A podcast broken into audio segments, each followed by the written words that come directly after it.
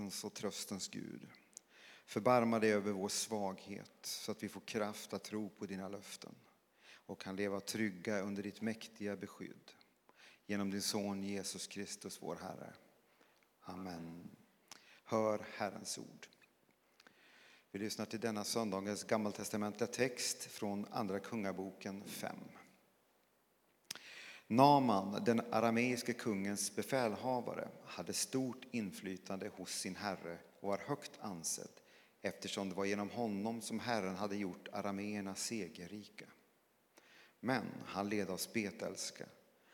Under ett härjningståg hade arameerna tagit en liten flicka från Israel som fånge.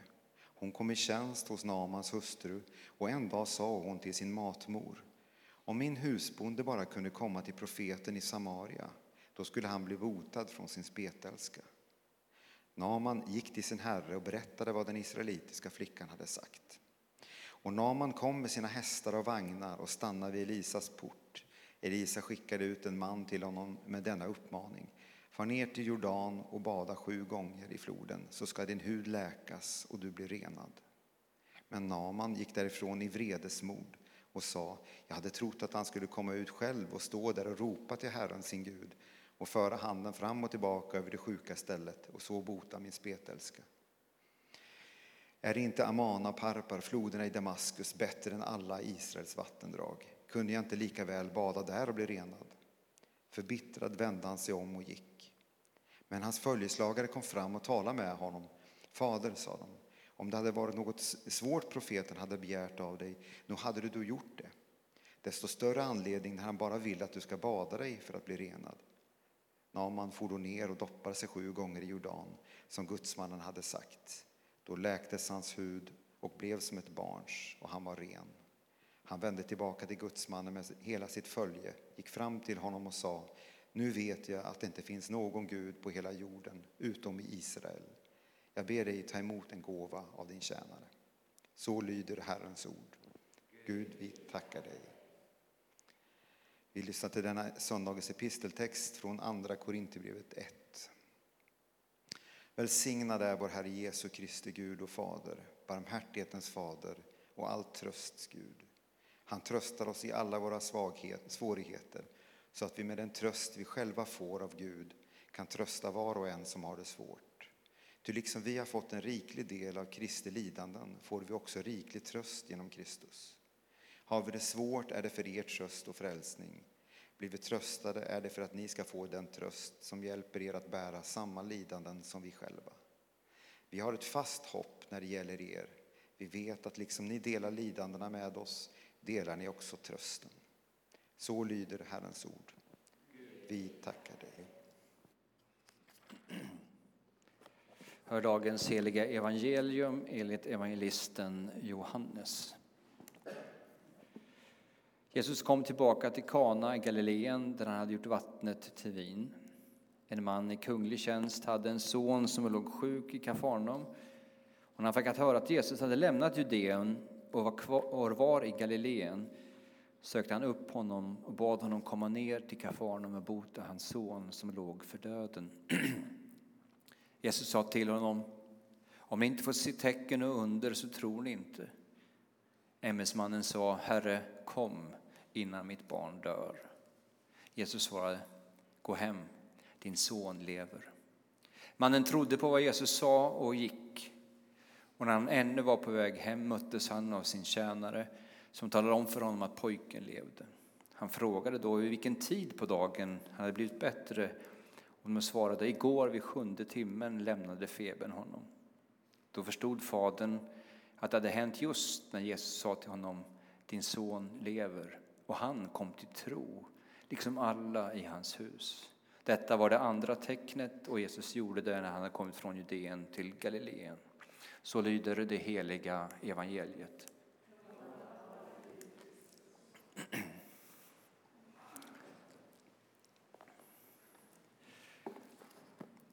Vi vaknar inte upp i den här världen lugnt och stilla för att få förmånen att välja att agera eller låta bli.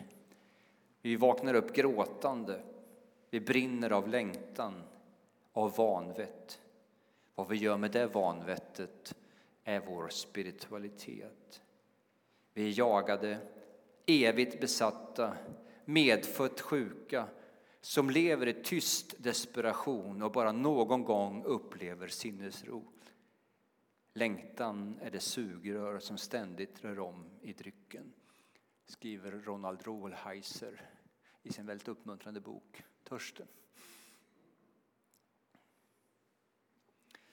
När jag växte upp på 70-talet så var klimatet faktiskt lite annorlunda än det har blivit de sista fem, tio åren i Sverige. Det var väldigt vanligt att höra argumentet Jaha, du är kristen. Jag förstår att du behöver en liten snuttefilt att ta till i svåra lägen i livet. Jag vet inte om folk fortfarande använder de argumenten. Men kristna tron såg som en tillflykt för omyndiga människor som inte kunde klara av livet på egen hand. Tron var en utväg för de misslyckade, de svaga. Ett bedövningsmedel som gjorde att man stod ut med vardagen till skillnad från vi andra självständiga, mogna, myndiga människor. Och som, somliga har ju använt religionen på ett sådant sätt som en verklighetsflykt eller som ett opium som en ganska känd filosof talade om. Men utgångspunkten i det där argumentet som jag stötte på och inte riktigt visste jag skulle svara på, för att jag såg ju samtidigt att människor med, som alkoholister kom in i kyrkan och fick sina liv förvandlade och fattiga människor. Liksom, är det här misslyckadets eh, religion? Men utgångspunkten är ju, bygger på en helt falsk premiss. Alla människor under hela sitt liv bär på en snuttefilt. Det finns ingen undantagen. Alla människor oavsett trosbekännelse, om de är renodlade hardcore ateister, är på samma gång tillbedjare. Fast de skulle inte använda det språkbruket. Alla människor lider, som Ronald sa, av vanvett och söker tröst och ro. Så frågan är inte att somliga behöver hjälp och sinnesro, utan alla söker det. Men frågan blir då, vad är det vi söker vår tröst och frid i? Vi tröstäter, vi tröstshoppar, vi har tröstsex, vi tröstfestar. Vi tror att ett nytt jobb, ett nytt hus, en ny upplevelse, nya relationer ska ge oss tröst. Vi knarkar smärtstillande och inser att det inte det som mättar vår djupaste längtan och ger inte verklig rinning för den smärta som finns i vårt inre. Och precis som med smärtstillande medicin så vänjer sig kroppen vid det här, eller hur? Va? En del, ja. Men det exemplet jag tog, det är det man vänjer sig vid. Så då måste man ju öka dosen hela tiden för att få samma upplevelse. Samma känsla av lindring. Och så är det också i vårt liv. Det räcker ju inte bara med att köpa den här telefonen. Nu har ju iPhone 14 kommit. Hjälper ju inte att liksom ha det och det och det och det. Så varje människa, oavsett, söker tröst. Och I dagens episteltext så ger oss Paulus en underbar beskrivning av Gud. Han säger så här. Välsignad är vår Herre Jesu Kristi Gud och Fader, barmhärtighetens fader och all trösts Gud. Vackert, eller hur? Barmhärtighetens fader och all trösts Gud. Och texten som vi läste från Andra Korinthierbrevet genomsyras av ord som handlar om lidande och svårigheter. För så ser vår tillvaro ut. När man är ung och dum och därför heter ungdom så kanske man inte riktigt fattar detta.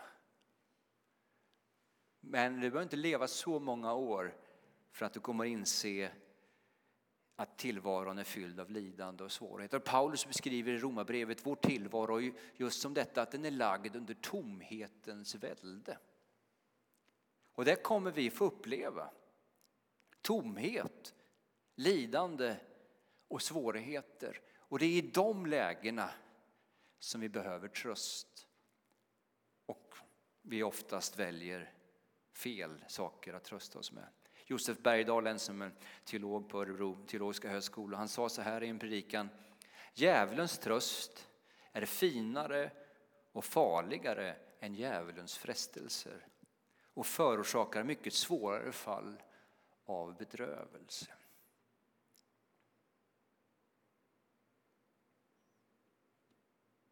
Vad är den stora kampen för oss?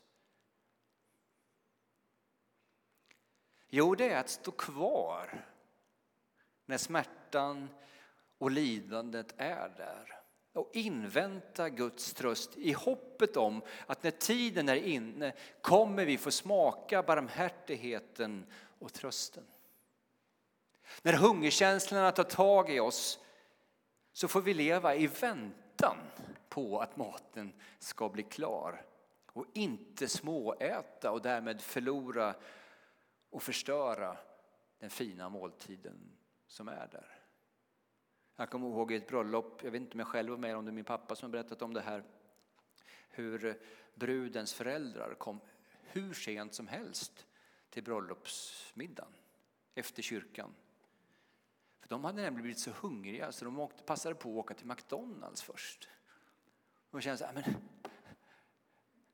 nu har ni sabbat den här fina trerättersmåltiden som väntar er bara för att ni inte kunde stå ut, vänta, hålla i. För de visste ju att den fina måltiden är där snart. Guds löfte till oss, om ni lyssnade noggrant idag, är att han tröstar oss i alla våra svårigheter. Och det är framförallt genom vissheten om Guds närvaro i våra liv och hans makt att i allt forma sin sons bild i oss som vi kan finna sinnesro och vila. Och det ger oss hopp och det ger oss uthållighet i vissheten om att Gud är där det är ofta så när barnen var små och slog sig. Alltså, blås på knät, det hjälper ju inte. Men det fanns en närvaro. Det fanns en omsorg. Och ett erkännande också. Jag vet du har slagit dig. Du får gråta. Men jag är här och nu blåser jag. Men Gud gör mycket mer än så. Han försöker inte lura oss. Utan han finns i sin närvaro och kan i allt och genom allt forma någonting som egentligen från början inte var tänkt att vara något bra. Det kanske var djävulen, det kanske var vi själva som satte oss i klistret men Gud i sin nåd och sin suveränitet kan använda allting. Och när Gud möter oss gör han det utifrån sin suveräna visdom och plan. Och ett hinder vi kan ha för att ta emot Guds omsorg är våra färdiga förväntningar och tidigare erfarenheter. Vi har ju en eh, särskild förmåga att låsa in Gud i det som har, så här upplevde jag Gud 94 när Torontovälsignelsen kom för att prata om något aktuellt. Eller jag räknar med att om Gud ska möta mig måste han göra på det här sättet. Och i dagens gammaltestamentliga läsning så blev det ju väldigt synligt. Naman får meddelandet via ett ombud. Alltså profeten dyker inte ens upp. Han skickar ut en liten tjänare som säger gå och doppa dig där borta i Jordan sju gånger.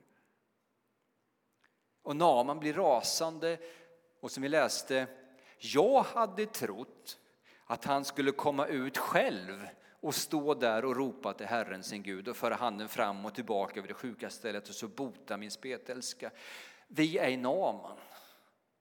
Så många gånger under vår livsvandring. Jag hade trott. Jag hade förväntat mig. Hallå? Känner ni igen det där? Gud borde ha gjort så här i mitt liv. Jag hade ju räknat med nu när jag hamnat i den här krisen, den här sjukdomen, den här arbetslösheten eller vad det nu kan vara, att Gud borde ha gjort så här och så gör han inte det. Paulus ber ju många gånger om att bli befriad från det som han upplever en törntagg från djävulen. Det är väl en ganska bra förbönsämne. Men Gud svarar inte på den bönen. Och Paulus säger inte jag hade trott. Utan får öppna sitt hjärta och sitt sinne och då höra på vilket sätt Gud möter honom. Inte på de här delarna som han hade räknat med utan helt plötsligt får han höra i svagheten blir kraften störst. Min nåd är det som du behöver.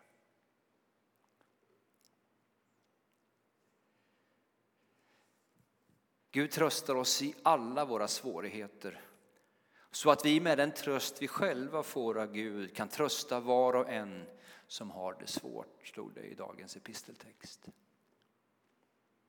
Och lyssna, för det här är viktigt. Allt jag säger är viktigt i och för sig, hela tiden. Men eh, Gud är tröstens källa. När vi orkar stå kvar och invänta Guds tröst och inte håller på och små springer iväg på olika andra sätt då får vi också möta Guds tröst och därmed får vi själva del av barmhärtighetens och tröstens nådegåva så att vi kan styrka våra bröder och systrar. Källan är inte att vi haft liknande erfarenheter som våra medmänniskor. Jag har också gått igenom en period av sjukdom, jag hade också gått igenom en period av arbetslöshet, jag hade också gått igenom en period av ensamhet. Allt det där kan ju väcka medlidande och förståelse. Men det är inte det Paulus talar om här. För det är någonting större. Nämligen att vi själva har fått smaka någonting av Guds ingripande och Guds tröst. Vi kommer inte kunna ge goda svar och förklaringar till syskonen som också lider.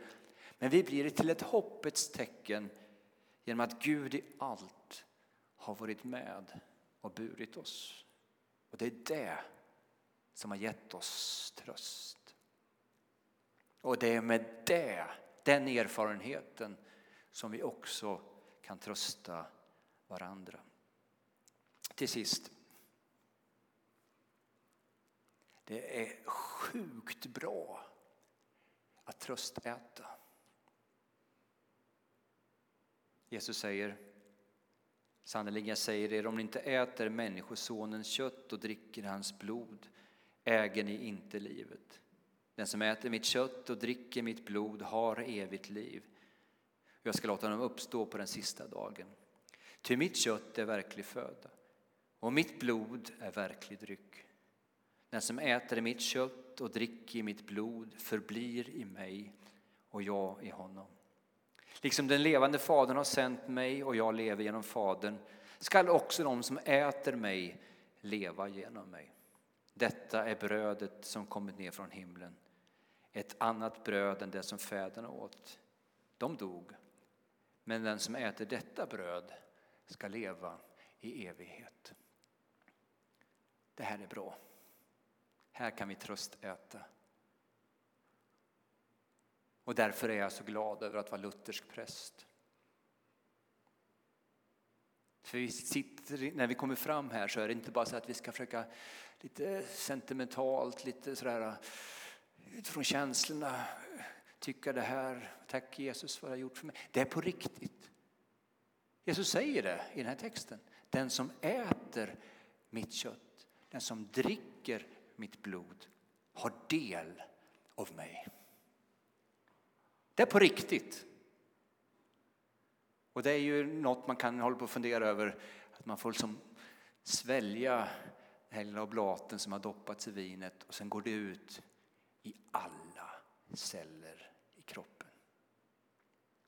Kristus tar sin boning i oss. Det är vår tröst, det är vårt hopp och det förmedlar det eviga livet. Ära vare Fadern och Sonen och den helige Ande, nu och alltid och i evigheters evighet. Amen. Halleluja.